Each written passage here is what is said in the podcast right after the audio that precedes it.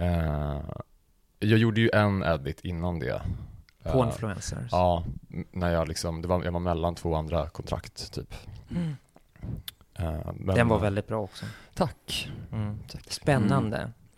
Ja, fy fan, det där ena paret, eller det där paret som, Ja. jag, jag vet inte, de lämnar mig inte Crazy riktigt. people. Alltså, det känns bara åh herregud. Ja, ja det, det var ju väldigt kul att träffa dem Ja. ändå. Men vilket liv liksom. Ja. Är det ingen vanligt Svensson-liv ändå? Med... Nej, det kan man verkligen inte säga. Men på något sätt, på, på ett sätt var de ju väldigt, när man träffade dem, också väldigt vanliga. Mm. Eh, vilket var en speciell kontrast. Mm. Mm.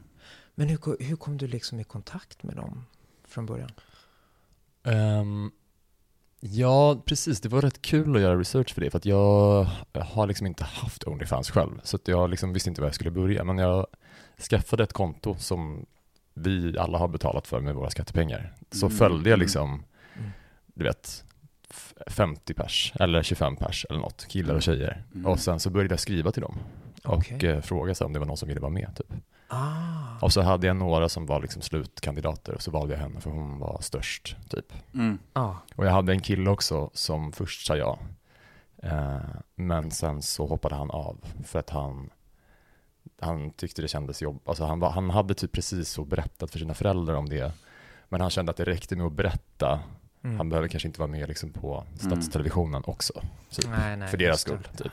Nej, menar, det måste ju vara ändå att man kanske går från att vara någon sådär som folk kanske pratar om att ja, men de gör ju det här till att man verkligen är så här, nej men alltså varenda person i hela stan vet Ja. om det liksom. Ja, precis. Mm. Så att det är väl, det kan man ju förstå. Ja. Ja, nej men absolut. Men alltså är det bara det man gör på Onlyfans? Visar sina genitalier liksom? Uh, alltså de själva liksom marknadsför sig ju gärna med att det finns annat content där också, alltså så matlagningsvideos, Lifestyle. recept, ja, musiker typ. Mm. Och det finns ju. Yeah right. Ja men så här, ja precis, men det finns ju att det är lite som Patreon typ, men jag vet inte, det är ingen som riktigt vet, men jag har sett uppskattningar på att det är typ så här 80% på det. Ah.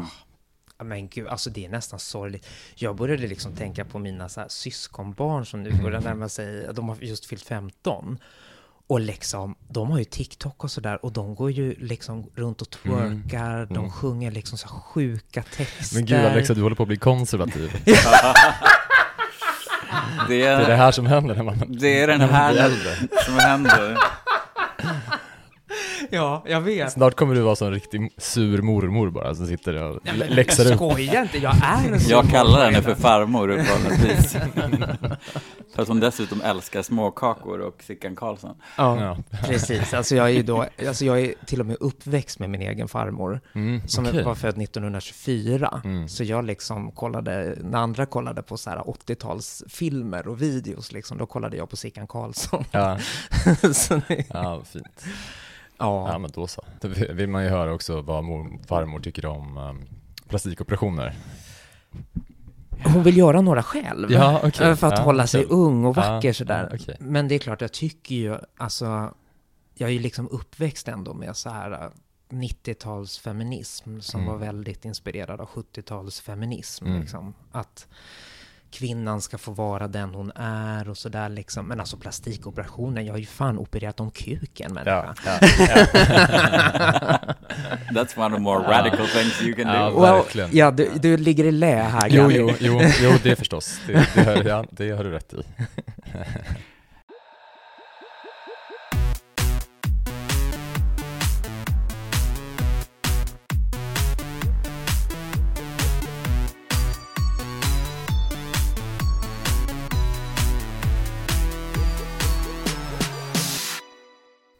Nämen halli hallå och hjärtligt välkomna tillbaka ska ni alla vara till Ytspänning!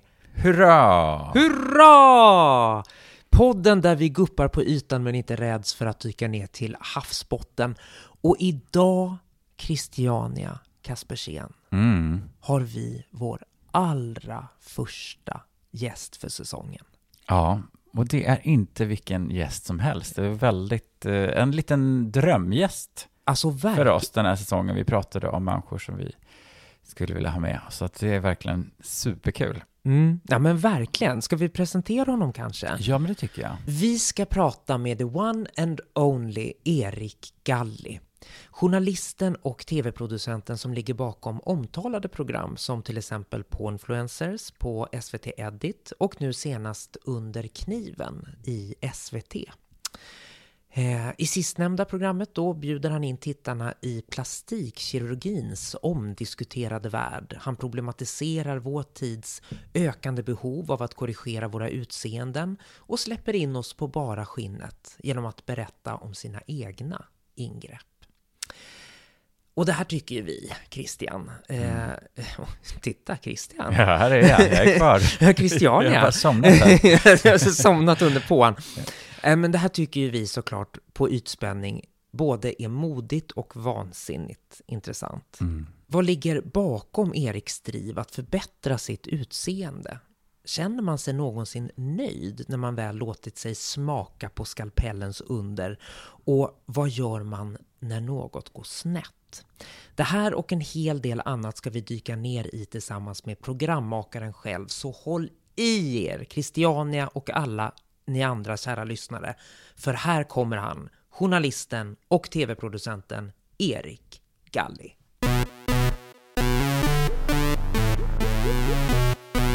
Hjärtligt välkommen hit, Erik Galli. Tack så jättemycket. Vad kul. att vara här. Ja, men jättekul att ha dig här. Eh, vi tänkte att vi sätter igång på stubben, Mm. bara rakt på rödbetan. Fan Va? vad kul. Eh, hur kommer det sig att du ville göra det här programmet? Alltså det tråkiga svaret är liksom att jag eh, eh, egentligen har tänkt på det väldigt länge men inte har vågat. Mm. Eh, för att jag kände att det var svårt att liksom göra programmet utan att outa mig själv. Mm. Mm. Eh, och det stämmer ju. Eh, men lite så, det som jag inte har sagt så mycket i media är ju att, liksom att, att tiden kanske var mogen för att jag började känna på mig att så här, det, det jag är nog inte, så här, folk är nog lite mig på spåret så att säga. Okej, Eh, ja. Och så här, jag har tyvärr väldigt många ex, för jag är uppenbarligen en väldigt dålig människa att vara ihop med verkar det som. Men, eh, men så här, ju fler sura killar typ som går runt på Stockholms gator, eh, Mm. desto mer liksom, skvallerrisk så att säga. Mm, mm, Och jag, eftersom jag är Ah. romantiker så berättar jag ju alltid liksom, för folk vad jag har gjort och så som jag dejtar. mm. Just Så jag kände lite så här, antingen kan jag bara lägga mig liksom, och vänta på att det här kommer ut i alla fall, Mm. eller så kan jag passa på att göra någonting kul av det, typ. Mm. Lägger mig själv på tågrälsen och bara vänta in tåget. Men så här, jag är ju egentligen, eller jag är ju producent liksom, och Mm. jag vet ju, jag visste att det skulle bli bättre då, för att det finns, det är jävligt svårt att liksom få ut lika mycket intimt content av någon som inte är en själv. Ja, Eh, det är rätt lyxigt att få jobba med sig själv på det Mm. sättet. För att så här, om jag hade gjort det om någon annan person, då är det väldigt lätt att det blir exploaterande. Mm. Men här kan jag liksom, jag kan framställa mig själv som osympatisk om jag vill. Liksom. Mm -mm. Eh, och jag behöver inte be någon om lov. Eh, jag behöver inte visa programmet liksom 70 gånger för en person tills den har okejat. Nej. Utan, eh, Men det du det, tycker är bra, det är ja, det som är grejen. ja, liksom. och jag ville liksom ändå få jag ville ändå liksom kunna, för att grejen är att här, det, det, det handlar ju om självupptagenhet det här programmet. Mm. Och det är liksom ett osympatiskt drag typ. Och det, det kändes typ bättre att kunna använda sig själv då. För då hänger jag liksom inte ut någon annan. Mm. men hur kände du? För jag tänker samtidigt så måste du ju då, som producent väger du och ser liksom fördelarna, Mm. men samtidigt som privatperson så kan du känna att du gör dig själv sårbar och Ja. lever, liksom, hur vägde du liksom upp eh, plus och minus på något, att ändå fick det att, nej men jag kör liksom. Ja, jag tror inte att, alltså jag är inte så smart att jag tänkte på allt det här innan, utan jag tutade och körde lite. Eh, och sen så var det, det är faktiskt aldrig, det är liksom ingenting som är bortklippt som hade Mm. blivit bättre, eh, tv, för min skull. Ehm, jag tror att jag ganska mycket såg mig själv som en karaktär när jag klippte det här. Mm. Och det var först efteråt som jag, för att jag, grejen är att så här, tv är ju inte heller, liksom, det är inte dogma. Alltså det är ju, jätte, det är ju ändå ganska liksom, regisserat och dramatiserat Mm. och man sitter efteråt och skriver manus och sådär. Eh, Så att jag har ju kunnat distansera mig från, jag kallar ju Erik för Erik i det här programmet Mm. och ser det fortfarande som en karaktär. Och Mm. man blir ju ganska blind av att jobba med tv, för jag tänker ju att publiken också kommer förstå det. Mm. Att så här, det här är en, en sida av mig som är också kurerad. Ah. Uh, men det är klart att folk inte tänker så. Så att jag är ju väldigt så här, när folk kommer fram på stan nu och typ tar mig på axeln och är så här, du jag vill bara säga att så här, du duger som du är, typ, vilket händer. Då, Nå. Men då blir, det är gulligt, men jag blir också så jävla obekväm då, för jag känner så här, aha, men gud, men jag känner typ inte, det känns som att du ska prata med karaktären Erik nu, liksom. Mm. men han är tyvärr inte här, så det, det går liksom inte, ja det är någonting som inte riktigt klaffar i mitt huvud tror jag. Ja, ja men precis. Men alltså du, när du säger nu att det är kurerat och liksom då regisserat av dig och eh, en grej som jag studsar till på det är ju att du kommer ut för din familj Mm. och att de inte vet om detta. Då Nej. tänkte jag så här, nej, men då kan de ju inte ha eh, studerat ditt ansikte noga på några år alltså. Nej, precis. Alltså, är, det, också- är det påhittat? Nej, nej, nej, nej, nej. Alltså ingenting man ser, i, alltså allting, man, det, det är inga så, det är liksom inte regisserat på det sättet. Eh, absolut inte. Nej, nej, allt man ser händer ju på riktigt. Mm. Eh, nej, de visste inte det. Alltså grejen är, man måste också tänka på så här, jag började med det här typ när jag var i 20-årsåldern. Mm. Eh, och då bodde jag inte hemma, och jag har inte bott hemma egentligen sedan dess. Och då träffar man kanske sitt barn liksom så här, någon gång i månaden, eller du vet, jag har bott utomlands i perioder. Mm. Eh, och jag har, som många bögar, eh, liksom gått igenom ganska många utseendefaser, så jag liksom har haft alla liksom hårfärger och olika frisyrer som jag inte vill liksom tänka på idag, Mm. och klädstilar, och jag har varit så här ätstörd och varit vä- vägt liksom 10 kilo mindre än jag väger nu. Mm. Och i en period började jag träna jättemycket och då vägde jag 10-20 kilo mer än jag gör nu. Eh, så att jag tänker att, och mellan 20 och 30 man åldras ju också. Så att någonstans så tänker jag så här, de visste att jag gjorde typ botox och fillers. Mm. Och i övrigt tror jag att det är rätt, alltså om man inte tänker att plastikoperationer finns, Mm. Mm. eh, då tror jag inte att man, Nej. jag kan, jag kan typ ändå fatta det på något sätt. Mm. Ja men det, it makes sense nu när du säger det verkligen. För att jag ser ju rätt annorlunda ut från gamla bilder, men mycket av det tror jag, det är svårt även för mig att bedöma vad som är operationer och vad som är allt det här andra. Att liksom man har åldrats åtta år och Mm. har en annan vikt och en annan hårfärg och liksom sådär. Ja, nej men såklart. Och du, dina föräldrar är väl så här gamla hippies från Ja, ja. 70-talet? Ja, inte hippies, för de, de, de hatar hippies. De tycker att hippies var po- posörer som inte stod för någonting på riktigt. Ah.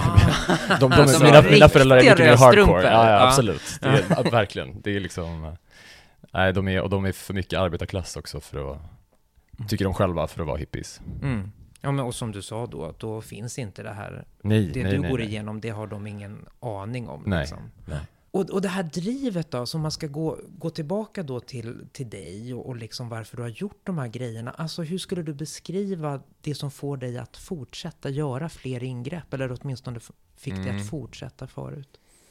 Ehm,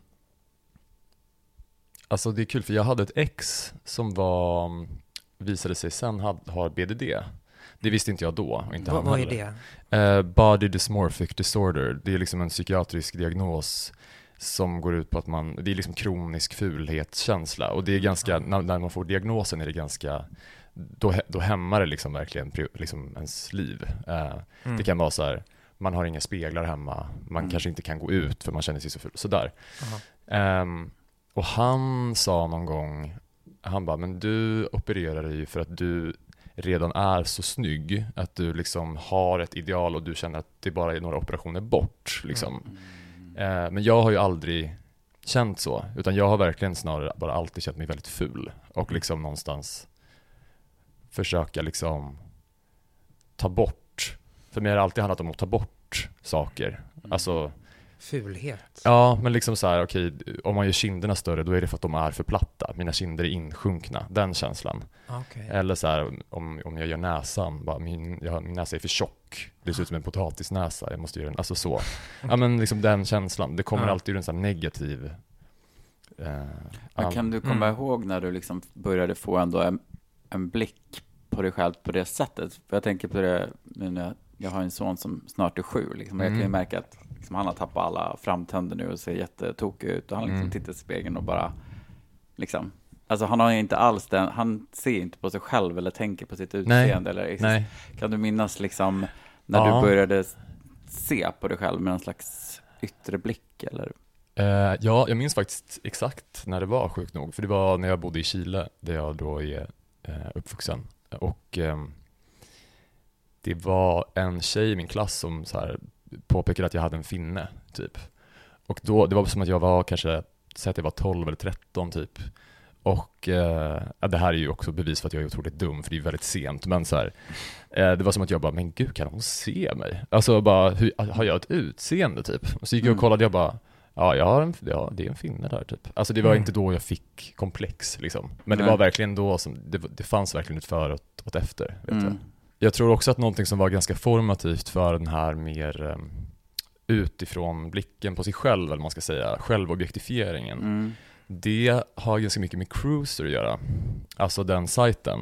Jaha, alltså QX QX eh, Cruiser. forum, ja precis. Ah. För då, på den tiden när jag var liksom tonåring sen, då fanns ju inte Instagram och sånt.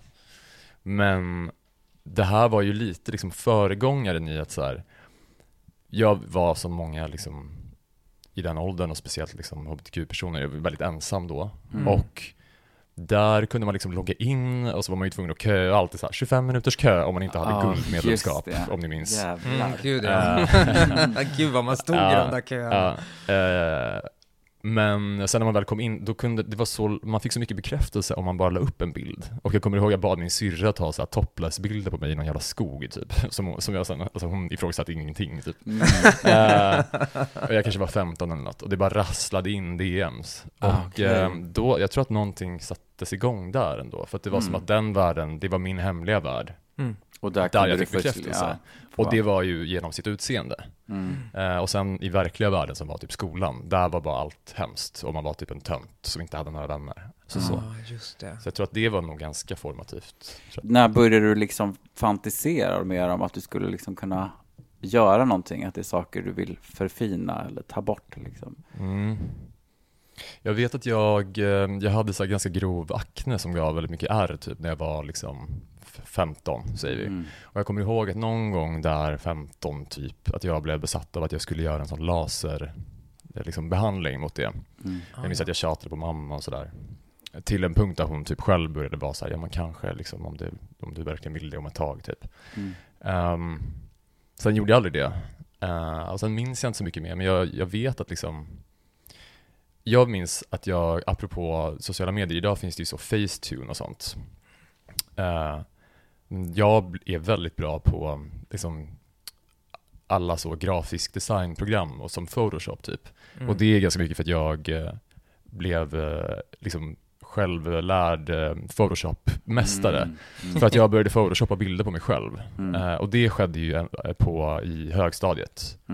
Oj. Att jag började liksom fixa, så jag har kvar ganska många sådana bilder på en hårddisk som jag har hittat så här, som är ganska kul att se. För att jag ser, alltså jag har photoshoppat varenda bild. Det är som, det är som en Mm. kamerarulle. Eh, och de bilderna skulle inte ens läggas upp någonstans. Eh, men jag, Bara för för jag, att du skulle se då? Ja, för så att jag- bli.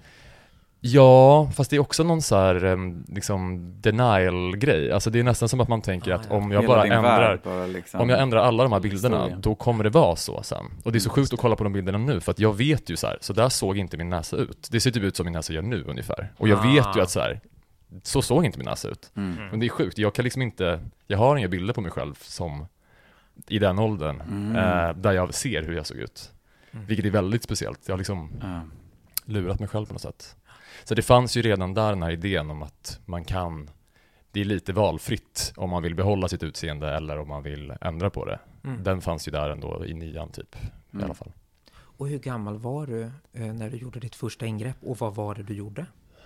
Ehm, jag tror att jag gjorde läpparna första gången. Mm. Eh, och jag tror att jag, alltså, jag var typ 20 tror jag. Mm. Och därefter bara fortsatte du med... För Mm. du har ju gjort, förlåt, Nu känns det här jätteofint att, att säga. Nej men snälla, alltså jag har ju verkligen... Du har gjort ett eh, program om ja, det, så jag tänker... alla, jag, ja, ja, det här är... ja, jag man- släpper... Man får säga, ja. ja. Du har ju gjort feminiserande Ja. eh, pannkirurgi. Ja. Jag bara, bitch, när jag såg det. Inte ens jag har gjort det. Nej, alltså ganska mycket av eh, det jag har gjort har varit lite feminiserande. Alltså jag har ju också gjort en hakförminskning och det, nästan alla killar gör ju en hakförstoring. Mm. Uh, hakförminskning är ju också ett sånt ingrepp som är ganska vanligt Mm. Ehm, bland liksom transkvinnor och så. Mm. Ehm, ja, precis. Är du en transkvinna? Nej, Ja, precis. bara. Nej, men det är intressant, men så här, ja, jag vet inte. Nej, mitt ideal har liksom det, det har stuckit ut för mycket i mitt ansikte. Det har behövt filas ner lite, har jag liksom känt. Det är ju en seriös operation. Det är Mm. ganska Man köttig plockar gå ner in på, ansiktet liksom. Mm. In på liksom skelettet. Och, Fast det är intressant med operationer för att man, det är ofta ens eh, bild av vad som är en liksom väldigt invasiv kirurgi och vad som inte är det. Den stämmer ofta inte riktigt med eh, verkligheten. Alltså en näsoperation till exempel, den är ju Mm. ganska, eh, den är ju väldigt svår. Och det är mycket som kan läka fel och det är väldigt så här, man är inne i slemhinnor mm. och det kan läka och det är broskbildning som, ska, som kan uppstå och så här ärrbildning. Mm. Eh, en, en pannbensoperation som jag har gjort när man bara slipar ner, det är egentligen inte alls speciellt. Alltså, okej. du, du behöver inte skära av någonting utom att lossa huden. Nej, Eh, och sen ben är ju död, liksom, du, du har inte ont i benet. Så jag hade ju liksom inte Jaha. ont efteråt överhuvudtaget nästan. Alltså jag gick på Alvedon typ och det var fine. Jaha, Eh, det trodde jag nästan var tvärtom. Ja, Alltså nej, men det så den en operationen är inte operation. särskilt, nej, inte alls. Däremot så, det finns två versioner av den, eh, och jag gjorde den liksom lite sämre när man bara slipar. Okej. Och då kan man bara slipa så pass mycket, alltså man kan ju inte slipa så att benet liksom går upp, Mm. för då, man kan inte göra det för tunt liksom. Mm. Eh, det finns en annan version där man liksom sågar av hela framsidan Aj. av skallen, Åh. slipar ner baksidan Mhm. och sen så skruvar man tillbaks det. Och då kan man ta bort hur mycket man vill typ. Men kan man inte det farligt, typ att man kan råka göra, skada hjärnan Nej, men- Nej liksom, men eller? det, eh, det där är också, eh, hjärnan sitter inte här bak. Här bak har Mm. man bihålor, så det är typ luft här bakom. Mm. Jaha. Ja, så att eh, det Vi är alltså airheads allihopa. Ja, ja. Nej men alltså det där är också helt sjukt. Jag tänker man tänker ju att hjärnan är så här, den går hela vägen fram till ögonbrynet typ. ja, det har jag typ Eh, trott. Ja, nej men det gör den ju inte, utan det är, alltså näsan går ju jättedjupt in till exempel Mm. bakom, Ah. alltså det är helt sjukt. Det är, Mm. jag vet inte ens, hjärnan är bak någonstans. Ja. Lite. Men, Men- jag förlåt. tänker bara på, eh, fanns du, berättade du inte för någon vän? Var du helt hemlig med, med de här operationerna? Eller? Nej, alltså jag, i början gjorde jag inte det. Eh, och sen med, eh, med tiden så var det ju liksom några få som Mm. jag valde Så som du fick är veta. Ja, okej, för att innan gick du liksom var tvungen att ha en lång läktid och liksom att du Ja. höll det för dig själv och... Ja, men det sjuka är att det är ju inte så lång läktid på de flesta operationerna. Okej. Alltså man kan typ vara borta i några dagar och sen träffa en kompis. Alltså typ. Mhm. Och utan att berätta alltså? Ja, beroende på vad man har gjort såklart. Mm. Alltså näsan kanske märks för att du har så gips. Liksom. Ja. Mm. Men typ den pannoperationen, det var verkligen så här. Jag, jag jobbade på Ikeas restaurang då och Mm. var tillbaks på jobbet efter typ fyra dagar. Mm. Och hade typ en sån hetta som man har i restaurangen. Så det, Mm. Ah, det ja, syntes inte att jag hade såna häftklamrar över hela huvudet fortfarande kvar liksom. ja. Oh my lord. Men du, var gjorde du den här operationen någonstans? Jag gjorde den i Stockholm och det jag skulle inte rekommendera, jag är, jag är inte speciellt, jag bryr mig inte så mycket idag, men det, jag, det blev inte så stor skillnad. Ah, okej. Det finns ju inga, De vad jag vågar vet. inte ta i liksom? Nej, för att jag, vad jag vet finns det inga facial feminization eh, kirurger i Sverige. Nej. Eh, så att den här operationen, jag borde ha gjort den utomlands. Ja. Eh, men jag var väldigt ung då och det var bara dåligt researchat och jag kände ingen som hade gjort det och sådär. Mm. Så att jag hittade en kirurg, jag mejlade typ alla kliniker och alla bara nej den operationen gör vi inte. Nej. Och så var det en som bara ja men den här kirurgen, han, han kan göra det. Och han då, han kunde bara göra det för att han hade erfarenhet av eh, liksom bilolyckor och sånt sen innan han började som kosmetisk plastikkirurg. Ah, Så han kunde, han kunde anatomin, för han har jobbat re- rekonstruktivt så. Och så, Wow. så att han kunde ju, men Mm. han var ju väldigt konservativ och Mm. han eh, kände liksom inte till, han gjo- gjorde inte så, det var inte, det är inte så stor skillnad som jag kanske hade velat ha då. Mm. Alltså, du berätt, nu, nu har vi pratat lite om din näsa, så jag bara måste ställa Mm. den här frågan nu. För att du berättar ju i, i eh, operationen, höll på att säga, i programmet, Mm. att du har gjort en näsoperation och din Mm. näsa ser också lite annorlunda ut än Mm. vad den gör nu. Eh, för du hade gjort en näsoperation som gick fel. Ja. På vilket sätt? Vad var det som hände där liksom? Ehm, det vet jag egentligen fortfarande inte.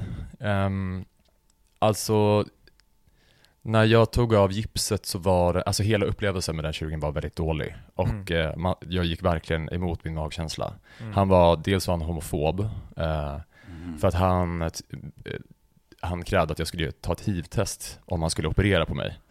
Eh, vilket jag har väldigt svårt att tro att han gör med alla sina patienter. Mm. Men jag fattar inte, vad då? Vet inte han om hur hiv smittar? Det är ju inte så... Alltså han var typ 80 och polack, Jaha. typ.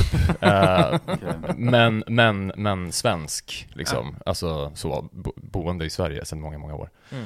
Eh, nej, men han var väl homofob bara. Och jag också så här, jag såg på något, jag vet inte om det var på ett återbesök eller något, Mm. så satt jag, han hade sin datorskärm med min journal uppe bakom sig, så att jag såg den. Mm. Då stod det lite så här, journalist till yrket, feminint sätt, alltså det stod lite så, olika så, kön, eller inte könade, men liksom, Mm. Ja, ja, Du ja. vet. Mm. Eh, så att det var, och han överlag, vi klickade inte alls. Nej. jag kände mig liksom obekväm med honom och Mm. grejen är att jag vet att han var en väldigt erfaren kirurg. Jag kollade med andra kirurger och bad om så här deras åsikt om honom och de sa att han är duktig, inte så bra på kommunikation kanske sa de, men Mm. han är duktig. Ehm, det som hände var att jag fick en så kallad polybeak deformity, Aha. som man säger eh, för att det blir lite som en eh, näbb, eller vad ska man säga? Alltså som en höknäsa fast längst fram. Så det ser ut som en så här papegoj. Det går ner så här, Mm. antar jag att det är varför det heter. Alltså Mm. papegojnäbbs deformitet. Mm. Ehm, Jag tyckte för sig den var lite söt den näsan, men det kanske bara är jag. Ja, men tack. Men den var liksom avhuggen typ. Alltså tippen, istället för att ha en definierad tipp som kanske går rakt ut eller lite uppåt till och med, så är det som att tippen nästan inte finns. Ja. Eh, och ja, det, alltså, jag fattar att så här kanske att liksom folk inte stirrade på stan, så illa var det ju inte, men jag kände mig verkligen liksom deformerad för att man, man, den sitter liksom mitt i ansiktet, det var svårt att inte se det varje dag, att man såg Mm. annorlunda ut. Mm. Ja, precis. Och du fick ju också en annan grej där, liksom. Alltså att det började att lukta. Ja, Ur ja näsan. precis. Ja. Det Eh, måste ju ha... ja. Alltså för ni skojar lite om det i Ja, programmet, att, ja. att det började lukta ostron berättar. Ja. Du, du säger att en kille sa Ja. det om dig. Eh, och så skojar ni lite om det i, i programmet och bildsätter med att ni käkar ostron. Ja. men, men då tänkte jag så här, men det måste ju vara en sån där grej då att du har distanserat dig lite grann från det. För Ja. det måste ju ha varit väldigt jobbigt att höra det. ja, det var jobbigt att höra det, men det var också så här. den grejen, alltså just den grejen var faktiskt inte, man, man vill ju inte höra det från någon man är ihop med liksom. Mm. Men så här, det var ju bara om man var väldigt, väldigt nära. Min, alltså det var ju inte så att, det var ju aldrig någon kompis som hade känt det typ. Alltså man Nej. måste verkligen vara så Mm. hångel nära. Hångel Men å nära, andra sidan, liksom. då, då Ja. vill man ju inte heller att det ska lukta, nej, det är inte så Ostron? kul. Nej, men stackare, fy Ja, fan. nej, det var Men- inte kul. Men Ja. ändå fick du liksom inte, har du gjort mera saker efter när, alltså du fick inte en näsbränna lite grann, alltså rent billigt av av att Ehm. någonting gick snett liksom? Mm. Precis. Ehm, nej, alltså det, jo men jag tror, jo det har jag nog fått på sätt och vis. Alltså jag har inte gjort, eh, sen dess har jag egentligen bara gjort min näsa Mm. igen då för att fixa det. Eh, och sen så har jag lagt fett i kinderna eh, emellan där. Mm. Och det, ehm, det är ju, ja vad fan vet jag, men det känns som ett lite mindre ingrepp. Typ. Ja, jo, men det är det Eh, ju. Så, man möblerar ju liksom inte om riktigt på samma sätt, men det kan ju också gå fel såklart. Är det, är det något så här androgynt ideal du har försökt att uppnå eller? Ja, jag antar det. Fast jag tror... Alltså jag tror mer att så här, jag har väl velat se lite killig ut snarare än manlig. Ah, Om man fattar. Lite Mm. yngre liksom. Ja, men typ. Pojke. Ja, men lite liksom. Sen Mm. är det ju så här, nu är jag 30, jag vet inte om jag vill se ut som en pojke kanske, men Mm. det är ändå, om man tänker sig något, något slags sånt ideal, det finns ju människor som åldras och aldrig får de här jättegrova manliga dragen. Liksom. Mm. Och jag tror att det är liksom det jag vill åt lite. Mm. Twink. Ja men typ. Forever Twink. Ja, exakt. Forever Twink, det sitter två Forever Twinks Ja, här. ja, verkligen. Sen får man ju se hur det där, det där är så, det där är väldigt intressant med så här, vad man är för tribe och så. Mm. För att om man är liksom, om man har varit en twink någon gång, vad, jag, jag är ju verkligen så här. Jag skulle verkligen vilja hitta några manliga förebilder utseendemässigt som är typ 40, 50, 60, för att jag har lite svårt att se hur man, någon gång måste man ju sluta vara en twink.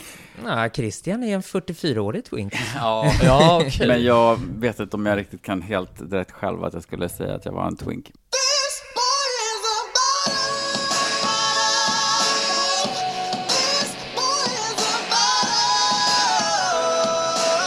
Men eh, nej, det är ju svårt, de där Mm. begreppen. Jag tänker absolut att de hjälper en ju kanske inte att känna sig bekväm med sin ålder heller. När man Nej. liksom har, varit- är, har varit liksom ändå, nu inte- växte inte jag upp med dem så starkt så, men jag har väl ändå alltid identifierat mig mer som en liksom pojkigt, androgynt utseende, Mm. liksom, än, än en kär eller en björn eller en Ja. hunk. Liksom.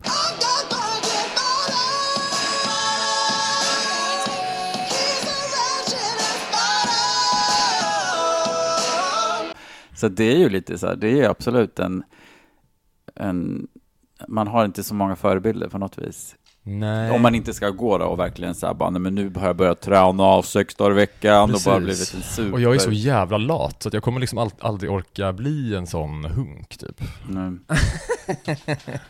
Och då är det så här, är Tränar ro- du nånt, någonting? Eh, Tränar du någonting? Jag sitter ju fan med sexpack i TV deluxe, det kan man Ja, ju jag ha. tänkte- men så jag är kanske- periodare, men jag äter inte så mycket heller.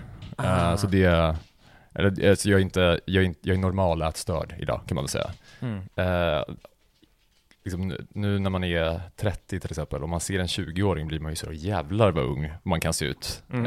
Eh, och så vill jag ju inte se ut heller. Nej. Så de får gärna ha den kategorin. För sig själva. För sig själva. liksom. Frågan är Mm. vad man själv är då.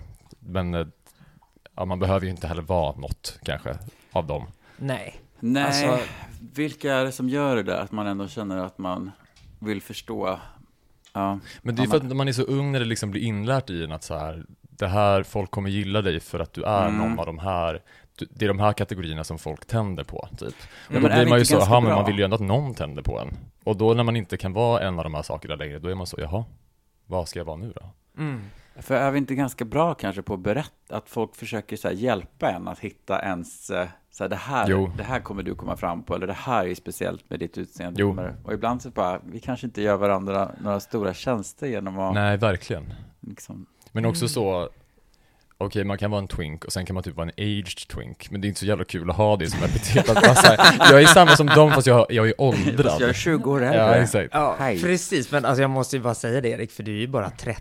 Jo, Det är ja. väldigt ungt alltså. Det är väldigt ungt. Tänk- ja. Men precis. tänk hur illa det kan bli sen då, hur aged man kan bli. Ja, tänk Twink. här, förstår du. Jag fyllde precis 40 Ja. och jag har åldersnoja deluxe alltså. Jag har ju inte gjort någon ansiktskirurgi, men Nej. Jag är fan nära alltså för att dra upp rynkorna en bit över öronen alltså. Kan jag Ja, säga. men jag tror, jag tror ändå jag hade tänkt att du hade gjort typ en pannoperation. Ändå. Jaså? Ja. Nej men här får man höra vad glad jag blir. Ja. ja men Nej. den är ju väldigt, Petit. ja. Ja, den, ja den, den är rätt liten, men den är liksom, samtidigt så har jag de här karaktäristiska Ja, det här mans- ögonbrynsbenet Det eller ju det du. Markiserna, ja. Ah, precis. ja, Jag ja. vill ju få upp dem Mm, lite. mm. Så att jag har ju anmält mig till facial feminization surgery sådär Ah, liksom. okej. Men jag är jätterädd för att det ska gå fel. Ja. Och eftersom man inte är purung längre så jag menar det är inte, det känns nästan inte värt det längre på något Nej. vis. Så.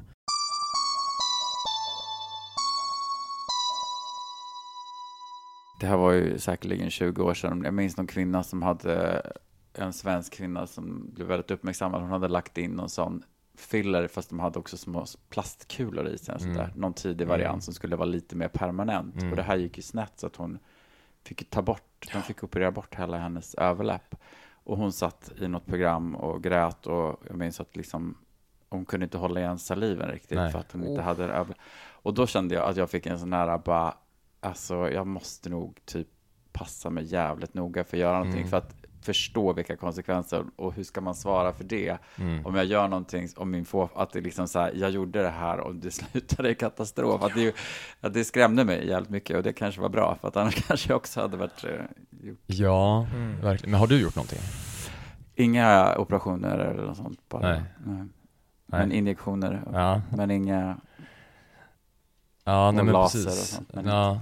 Nej men det är så roligt också för jag sitter och tänker sen när, när du säger Christian att du liksom eh, har tänkt att du ska göra en operation liksom bara, men vad är det du ska göra för någonting? Och det är egentligen samma sak med dig också. För först Mm. Erik, för att när jag träffade dig första gången där Mm. du intervjuade mig för SVT Edit, eh, Mm. var något program om ja, Mm. HBTQ och sport. Mm. Och du, eh, och jag såg det och jag bara, gud vilken söt liten kille alltså. Alltså jag bara tyckte så här att du var bedårande vacker. Mm. Mm. Och ändå så har du inte kunnat lita på det. Det är någonting i det här som, som Men- farmor tycker är lite sorgligt. Jag ska sjunga för dig. Ja, Ja. men är det, vad tror du Erik, liksom, är vi gays mera benägna och varför, om det är så, att eh, dras till att liksom känna att vi behöver göra om oss själva eller att vi ska uppnå någon slags ideal? Mm. Ja, jo men det kan jag väl tänka mig. Alltså, det, jag tror att det, om man ska generalisera kan jag verkligen tänka mig det. För att man blir ju väldigt så här, the gay experience är ju ganska mycket att man liksom från väldigt tidig ålder lär sig liksom polisa sig själv och så här, Mm. förstå hur man ska bete sig Mm. för att inte sticka ut så att man blir liksom skadad av folk. Mm. Eh, så att den liksom, man blir ju en kameleont typ. Eh, även de som inte liksom lägger sig under kniven sen tror jag ändå blir det på något sätt. Mm. Eh, och får ju, mår ju ofta dåligt och så. Mm. Dålig självkänsla och bla bla bla. Så det kan jag verkligen tänka mig, att Mm. det finns någonting i det. Ja, jag tänker, det finns ju en författare, jag kommer inte ihåg vad han heter, som har skrivit liksom om The Velvet Rage, heter boken som handlar om Mm. liksom gays. Fan vad sjukt, jag pratar om den idag. Ja, okej. Ja. Ja, men den tycker jag också ger någon slags förklaring till kanske att liksom att gays, man vill väldigt mycket leva upp liksom i att man ska ha ett, gärna vara framgångsrik, Mm. man ska liksom ha en vältränad kropp, liksom se bra ut, man, att man vill checka av de här grejerna för att man har känt skam över där man var och liksom att Mm. det sätter igång en massa beteenden som vi har, väldigt många av oss Mm. gays liksom. Mm. Ja, och det blir väldigt relativt typ vem man är överhuvudtaget. Alltså att det blir, eller i alla fall för mig tror jag att så här, jag har haft en ganska svag känsla av att det finns någon essens. Alltså, Och vem du är. ja, att det liksom är förhandlingsbart. Och för, Mm. för, alltså, det är så här up for debate. Ja, up for grab, typ. Men så här, Mm. Ja men typ, att så här, ja men det Name är bara att- something liksom. Ja, I be it. Ja, Mm. precis. Det Men du har ju också det pratat om det att, liksom, att samtidigt så det finns den här längtan efter perfektion, men också inom gayvärlden att det finns så här, om det syns att man har gjort någonting eller att då blir man omanlig eller då blir man Mm. också, då blir man Mm. skammad för det. Det blir en väldigt Ja. Svår grej. ja, precis. Och det är ju fult att vara onaturligt uh, snygg. Och det är ju fult att se gjord ut och sådär. Det tycker ju typ alla. Mm. Ehm, Ja, eller några som är med i programserien har ju lite andra ideal, men ja. mm, ja, precis. Det sjuka är att det är väldigt, jag trodde ju inte alls att det skulle bli så, men det har varit väldigt terapeutiskt att göra det här programmet faktiskt. För att Mm. Ja, nu känner jag ju bara så här, ja, alltså nu om någon inte tycker att jag är snygg då, ja, då kan jag inte göra så mycket åt det. Liksom. Mm. Men nu är det i alla fall out there, typ. Ska jag tänka på något annat? Och Mm. det, det verkar vara så faktiskt. Så det är skönt. Mm. Men känner du då att du är färdig med ingrepp? Eller det kanske man inte vet om man är? Alltså, jag kan ju tänka mig att jag kommer att liksom jag har ju verkligen inte bestämt mig för att aldrig mer göra någonting, om man säger så. Mm. Eh, men jag känner mig mycket mer eh, bekväm med hur jag ser ut än jag har gjort på, ja men någonsin tror jag. Mm. Eh, och det är ingenting som jag går och tänker på just nu. Eh, och jag vet inte om det, det vore ju kul om det liksom fortsätter hålla i sig. Mm. mm. Ehm, och jag vet inte om det, alltså jag vet inte om det är en bra eller dålig sensmoral. Alltså det kan ju vara bara för att jag har opererat mig så många gånger att jag faktiskt tycker att jag är snygg nu. Eh, och det är ju Mm. lite dark eh, liksom takeaway. Men det kan ju också vara för att jag faktiskt bara börjar liksom eh, bli gammal nog för att typ mogna lite. Ja. Alltså så kan det ju faktiskt också vara. Mm. Och så här, ha massa erfarenheter bakom sig och vara så, ja ja men alltså släpp det nu och håll på med någonting annat typ. Mm. Mm. Jag vet inte. Eller en kombo kanske. Mm. Ja. Men precis, det, jag tänker ju på liksom att när jag skrev min bok Bögtjejen Mm. så kunde jag ju lämna eh, den delen av mig själv bakom mig. Ja, Eh, det, just det. Jag tänker på det lite när du berättar om att, att det här var terapeutiskt och så liksom. Mm. För att det, det är ju det, all kreativitet på något vis, eller kreativa yrken liksom, om det är dokumentär eller bok eller konst Mm. eller vad det är liksom sådär så. Man kan ju verkligen komma igenom saker genom det, och, Mm. eller genom musik. Liksom. Mm, ja, verkligen. Mm. Men du fick ju också en massa reaktioner på det här programmet Mm. och allt var inte bara positivt, även om mycket var positivt. Mm, mm. Men jag upplevde också att det som var negativt kom från en äldre generation Mm. och det som var positivt kom från en yngre generation. Mm. Eh, Ja, en delvis var det så. ja. Fast min favoritreaktion var faktiskt från Lena Andersson. Hon får väl ändå räknas som mer gammal än ung. ja, ja, det är hon Absolut. ju. Och hon var väldigt, eh, det var en, jag blev väldigt glad. Hon skrev jättefint faktiskt om programmet. Jaha, Mm. ja, det, det har jag faktiskt missat. Ja, nej, men det, och det kändes kul för att det kändes liksom lyxigt att få hennes, eh, liksom, en text som hon liksom har Mm. författat. Mm. Kultur. Ja, cred. verkligen. Ehm, men ja, men så kan det kanske vara. Mm. Det var ju många som hade en liten approach ungefär att vissa skrev så här, ja ja, men gör, gör vad ni vill, men sitt inte och liksom gråta ut i Ja. tv och Ja, att det jag är vet. jobbigt. det var Gunilla Brodrej va? Ja, Ja, precis. jag tyckte, jag tyckte hennes text var så kul, för det var mer eller mindre som att hon bara, ja men typ att hon sa så här, det här är så jävla självupptaget. Och jag bara, men alltså det är ju literally ett program om självupptagenhet. Alltså Ja. så man bara, kolla inte på det då. Men så här. Om hon hatar självupptagna människor, då ska man ju inte se programmet bara. Men liksom, Mm. jag förstod inte. Det var som att jag bara, men Gunilla, det är ju det jag, det är ju det jag har sagt att jag ska göra. Mm. Men, ehm, Den grejen missade hon kanske av programmet då. ja, kanske. Eh, Men det är ju många av de här kulturkvinnorna som kom ut liksom med att, det var, att de tyckte det var så jobbigt att åldras. mm, Och som vi ja. också fick en väldigt sådär styvmoderlig behandling från många. Att sluta vara så självupptagna och det här är ju larvigt, hur kan ni tänka på Ja. hur ni ser ut? Och det, ja, ja, den kändes gud, ju ja. väldigt så här, fast så funkar väl inte livet för de flesta, att man bara eh, liksom kan bara slå bort. Man behöver ju Nu få blev prata jag om med min saker attraktionskraft, det spelar ingen Nej. roll för mig liksom. Det som har varit min selling point hela mitt liv liksom. Och, nej. Nej, precis. Nej, nej men och vi gjorde ju ett program om det då, eller ett, en podd. eh, Och där vi liksom diskuterade liksom att det är klart att det här har mer djupgående konsekvenser liksom sådär. Mm. Och på den podden så fick vi ju äldre eh, kvinnor som skrev liksom att så här, bara, det här är kvinnoförtryck och det här är Mm. kvinnoförakt. Alltså, Ja, alltså det, att ni stod för det. Eller, Ja, inte, inte, inte kanske att vi var de förtryckande, men att, att vi borde tycka mer 100% att någonting är bra eller dåligt. Liksom, Mm. sådär. Att man, Ja, det finns ja, inga precis. nyanser att hitta här. Utan, nej, och grejen är att så här, med- med- och vissa sådana reaktioner kom det ju på under kniven också. Eh, och det blir ju svårt att säga, alltså det kan ju också bara vara att jag liksom, man kan, att jag liksom på något sätt har misslyckats för vissa i publiken att liksom med vad jag vill skildra, liksom, de kanske bara inte tar till sig det jag vill att man ska se.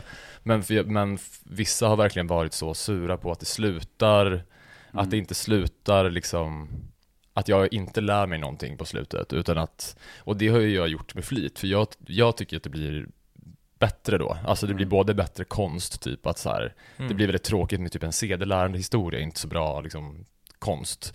Eh, men också för att det är sant, liksom. jag kan inte ljuga, det är så. Men Mm. de, ehm, ja, vissa var, ville nog ha mer. Men grejen jag tycker, jag, med många av dem har jag känt så här. det är tur att det är jag som gör tv och inte dem, typ. För att så här, jag tror att om de gjorde ett tv-program så skulle det bli så jävla tråkigt att kolla på. Alltså för att de vill ha typ så här, om Absolut. någon sitter i en intervju, då vill de att den ska säga, säga så här. Det är tråkigt, det är dåligt med plastikoperationer, man ska ha bra självkänsla, alla borde må bra, typ.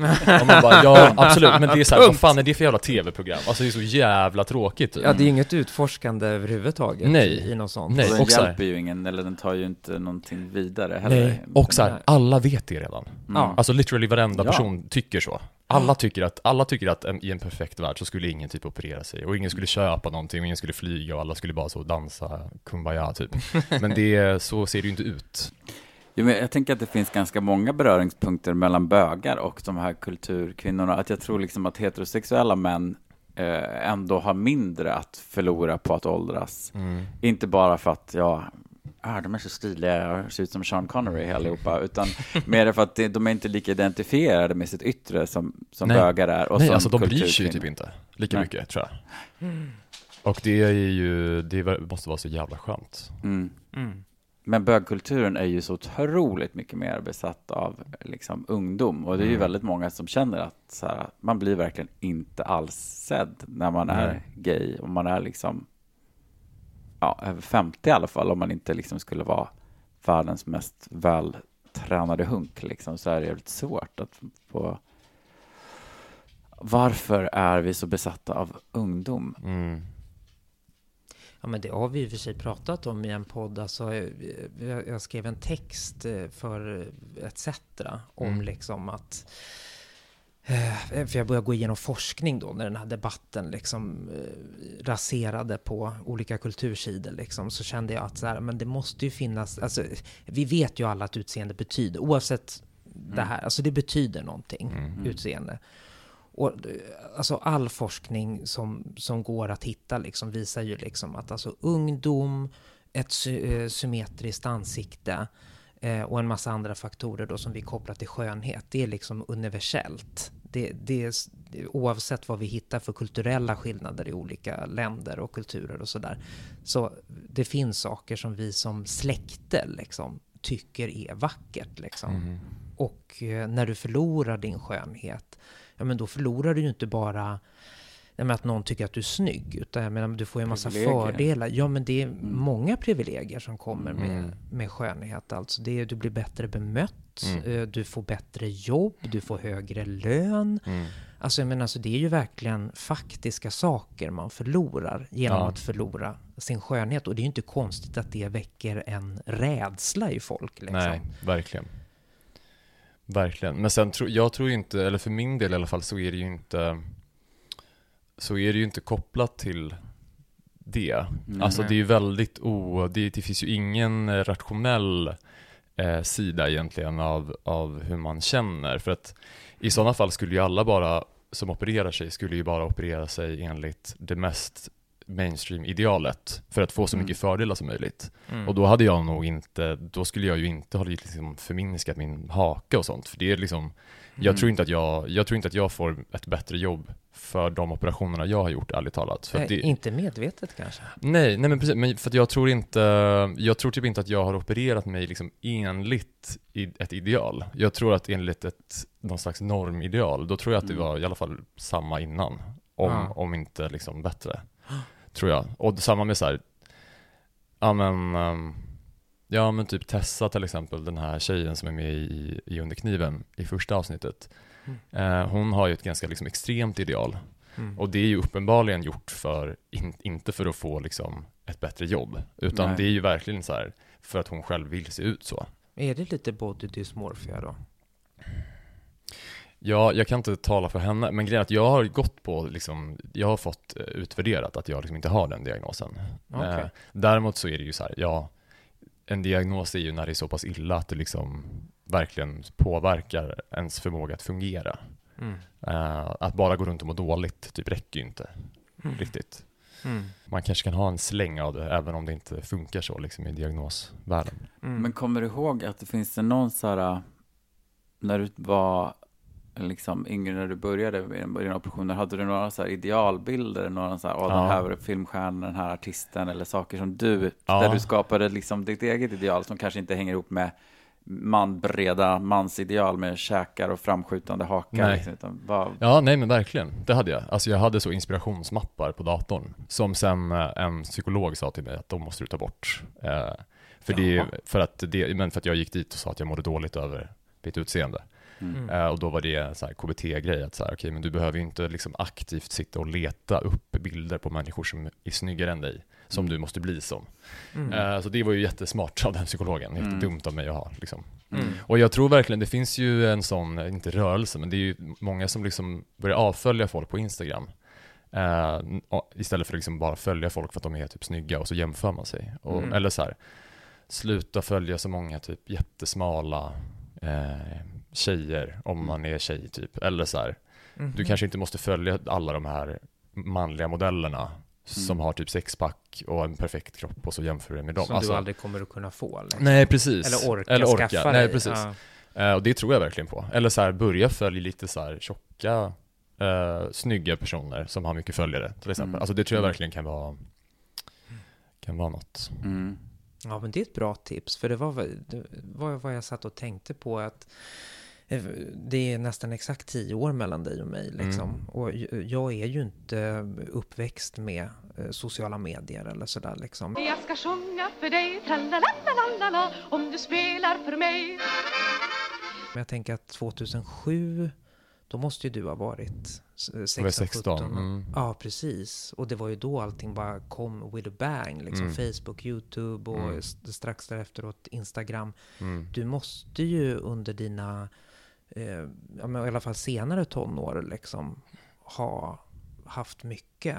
Eh, Mm. alltså en, en yttre blick på dig själv. Liksom. Man ska alltid ha på lager en slager, en slager. Tror du att det har spelat in till att du, just du har gjort? Ja, det, ja, det tror jag verkligen. Alltså, men som sagt, för mig, liksom den här liksom QX-upplevelsen, Mm. eh, den var ju liksom en motsvarighet till, eh, alltså som en tidig Instagram, typ.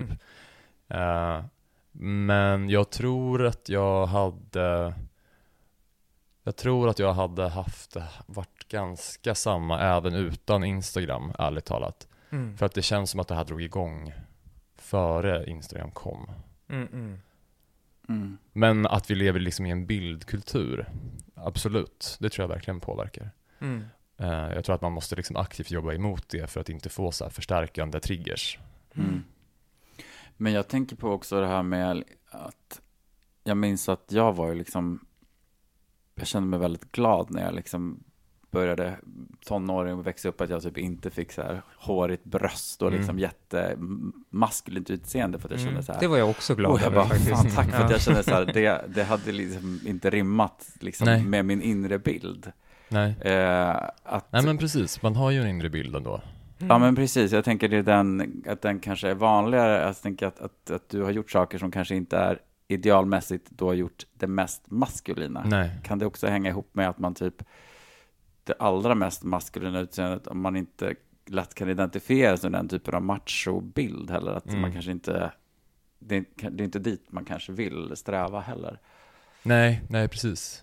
Men sen tror jag också, jag vet inte, jag, det är alltid lite så här att sitta och, och kokettera om olika diagnoser man inte ens har. Men alltså jag har, så att, men, eh, men nu ska jag ändå göra det. Men så här, jag, Ja, jag, det. har, jag har verkligen en sida av mig som är ganska så här eh, liksom aspig OCD-ig typ. Eh, Att jag kan snöa in mig väldigt mycket på saker. Eh, Mm. och jag har liksom ingen sån diagnos. Men så här, just nu är jag till exempel besatt av min terrass. Och jag har liksom ett Excel-dokument med växter eh, och när de blommar på året och vilken färg de blommar i och så här. Ja, ja, de ja. måste vara vintergröna och jag har, jag har spenderat liksom hundratals timmar med att hitta växter och jag beställer dem från utlandet och det är, liksom, det är inte sjukligt. Men Mm. jag lägger, jag lägger flera timmar varje dag just nu på att tänka på min terrass. Du har olika projekt för dig. Ja, Jag ja, hör ju det att du har ett väldigt bra språk och kan så mycket om operationer Ja. och alla de här sakerna. Ja. jag hör ju att du har ju satt in ja. det på... och så här, det, jag, jag tror att, uh, gud, tänk om det är därför jag inte bryr mig om operationer nu. Det är för att jag har min terrass. Men typ att det skulle kunna Mm. vara så. Alltså Men jag har verkligen, toppen. ja om det är så är det ju toppen. Det är ett Men bra att jag har tips också. verkligen snöat in mig på operationer tidigare, att sitta och vara så här, Mm. eh, den här pannan skulle jag vilja ha, så ger man en mapp med bara pannor. Alltså sådär. Ah, ja, så du gjorde då de här Excel-arken fast med kroppsdelar ja, då, i liksom? princip. Ja. Okej. Och att man sitter i tusentals liksom, timmar och googlar vart det finns en kirurg som kan göra just det här ingreppet och i vilket land och så jämför man priser och alltså, så, så, prislistor Mm. och alltså så. Mm. Ehm, Och hur du ska tjäna ihop pengar och... ja, ja men precis. Men det är ju verkligen, för jag, jag kan känna igen mig i det på sätt och vis också. Jag går också igenom verkligen faser av Mm. så här, just nu är det väldigt mycket Knutby-sekten. Ja, okej. Ja, vad kul. Eh, Christian ska flytta. Ja, nej men eh, jag tänker bara att det kanske, att det är ganska bra tips egentligen. Mm. Att faktiskt så här, att också bara eh, halka ur sina eh, hang-ups. Och sen så Mm. jag menar, är det saker som man absolut kommer tillbaka till och saker som man, men, men också att så här, man kan också fastna i en grej och vilja gå och sen så det kanske är bra att liksom också sprida ut sina intressen. Nu mina vänner, nu har vi pratat här i en timma, nu är det dags för fem snabba. Ooh, Med gud Erik kul. Galli. Three, two, one, zero. När känner du dig som snyggast? Oj, jag kommer nog inte, måste tänka lite. Eller får jag inte, får jag inte göra det? Nej, det är snabba. Korta Ehm, svar. Ja men vad fan. Ja men det är typ, ibland när man går, eh, ja, men i en spegel tror jag. Men inte, inte alla dagar. Mm. Vissa dagar är man skitful i spegeln och vissa dagar är det, det är liksom 10 plus. Är det när du liksom bara går förbi och bara shit, jag var rätt snygg ändå? Eller är det när du står och bara fixar till dig? Eller så? Nej men man, ja, man har ju snyggdagar och fuldagar. Mm. Och då, har man en ful dag, då är det inte så mycket man kan göra åt det. Nej. Alltså när man har typ har fixat sig en fredagkväll Mm. och ska lämna lägenheten, då ser jag antingen så här, det kan vara liksom toppbetyg, och det kan också vara så här, nej men du är rakt av ful. Usch vad hemskt. Det, Ja. det, det är du aldrig. Ja. Eh, ja, Okej. Eh, fråga nummer två.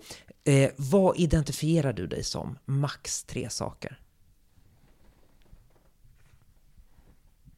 Fan, det är svårt att svara snabbt på de här sakerna. Mhm. Mm, Reptilhjärnan får ta vid. precis. Uh, bög. Mm. uh, fan, växtintresserad. Och journalist, kanske. Mm. Okej, var befinner du dig på Kinsey-skalan? Alltså från uteslutande homosexuell till uteslutande heterosexuell och där är... Oj, ja men jag är ju guldstjärna. Mm. Du är a diamond gay, Ja, eller vad heter Oh. det? Platinum gay. Ja. ja. golden gay. Ja. Dipped That's in me. golden chocolate. Det identifierar jag mig som. Ja. Guldstjärna. Ja, guldstjärna. Eh, din bästa skönhetsprodukt eller ditt bästa beautyhack? Tretinoin och solskydd. Jag lyssnade på när Ekis var med i, i er Mm. podd Mm. och eh, det är roligt för jag och hon har ju exakt samma eh, liksom rutin.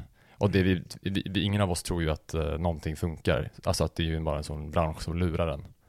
Eh, Tretinoin och solskydd är det enda som jag tror funkar på riktigt. Men kör Mm. du tretinoin i liksom typ en kur ett tag och sen så Nej. softar du? Kör, du kör liksom... Jag har du- kört det varje dag, jag har liksom inte slarvat i tio år typ.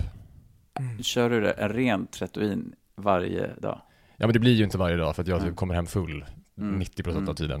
Eh, men, men, men de dagarna jag liksom orkar göra någonting, då tar jag 39. Ja. Ja. Så i vissa veckor är det liksom fem dagar i veckan. Mm. Och vissa kanske det är två. Ja, det är ju worth it. Okej, eh, den här frågan, du sa ju att du inte var så inne på mat kanske då, men det här är ändå en fråga om vad är din bästa comfort food? Ah, Ben Jerrys. Helt rätt svar. Mm. Äter, äter vilken ofta på av dem? fyllan. Ehm, eh, jag har en som heter Netflix and Chilled, som jag tycker är väldigt god. Och jag har inte smakat den. Nej, är den, bra? Ja, den är god. Den godaste av dem alla, den finns inte i Sverige, men när jag bodde i Berlin åt jag den hela tiden. Den heter Pretzel Palooza. Den är så jävla god. Det är liksom, jag tror att det är jordnötsglass blandat med någon annan glass. Och sen så är det så här salta, alltså sådana salta pinnar, Mm. kringlor Ja, i det. den. Alltså den är så god. Ja, det låter väldigt spännande. Mm. Den Mm. eh, kom till Sverige, för fan. Men jag är ju en konnässör, jag gillar också de som heter Topped, som har ett sånt hårt lager av så här Nutella typ Ja, ovanpå det. som man måste gräva sig ner i. Den är också otrolig. Ah, Det händer tyvärr ganska ofta att jag vaknar på morgonen och då är det så här choklad i sängen typ. Och då har jag liksom kommit hem. Och jag, jag har tyvärr en 7-Eleven precis bredvid mitt hus och jag skäms varje, jag är där hela tiden. Och det är så här, först är jag där på dagen och typ i bakis och bara hej en korv tack och typ cigg och snus. Och sen så märker jag ju då på morgonen när jag vaknar att så här, fan jag var där igen i natt. och eh, då har jag liksom köpt en Ben Jerrys och kommer hit helt, Så lakanet helt rödögd. Ja. Så ligger den här bredvid sängen. Ja men det är underbart. Det är liksom så här, det, det är ju någonting som nästan, för där kan jag känna mig lite så här äh, dålig liksom när jag kommer hem och käkar socker. Mm. Men det är ju det bästa som finns. Nej, men det är Sant. Så jag blir bara sugen på salta saker. På... Nej, alltså Marabou mjölkchoklad är ju min eh, något Ah, till... det är din Ben Jerrys. Ja, det är min Ben Jerrys. Shame on you. Shame! Okej, vi slutar podden här med lite skam, men det kan vi alla behöva till mans. Tack så jättemycket Erik Alli för att du gästade Ytspänning. Tack själv, det var jättekul att vara med. Puss på dig! Puss! This boy is a bottom. This boy is a bottom. Jag ska sjunga för dig, tralalalalala, om du spelar för mig.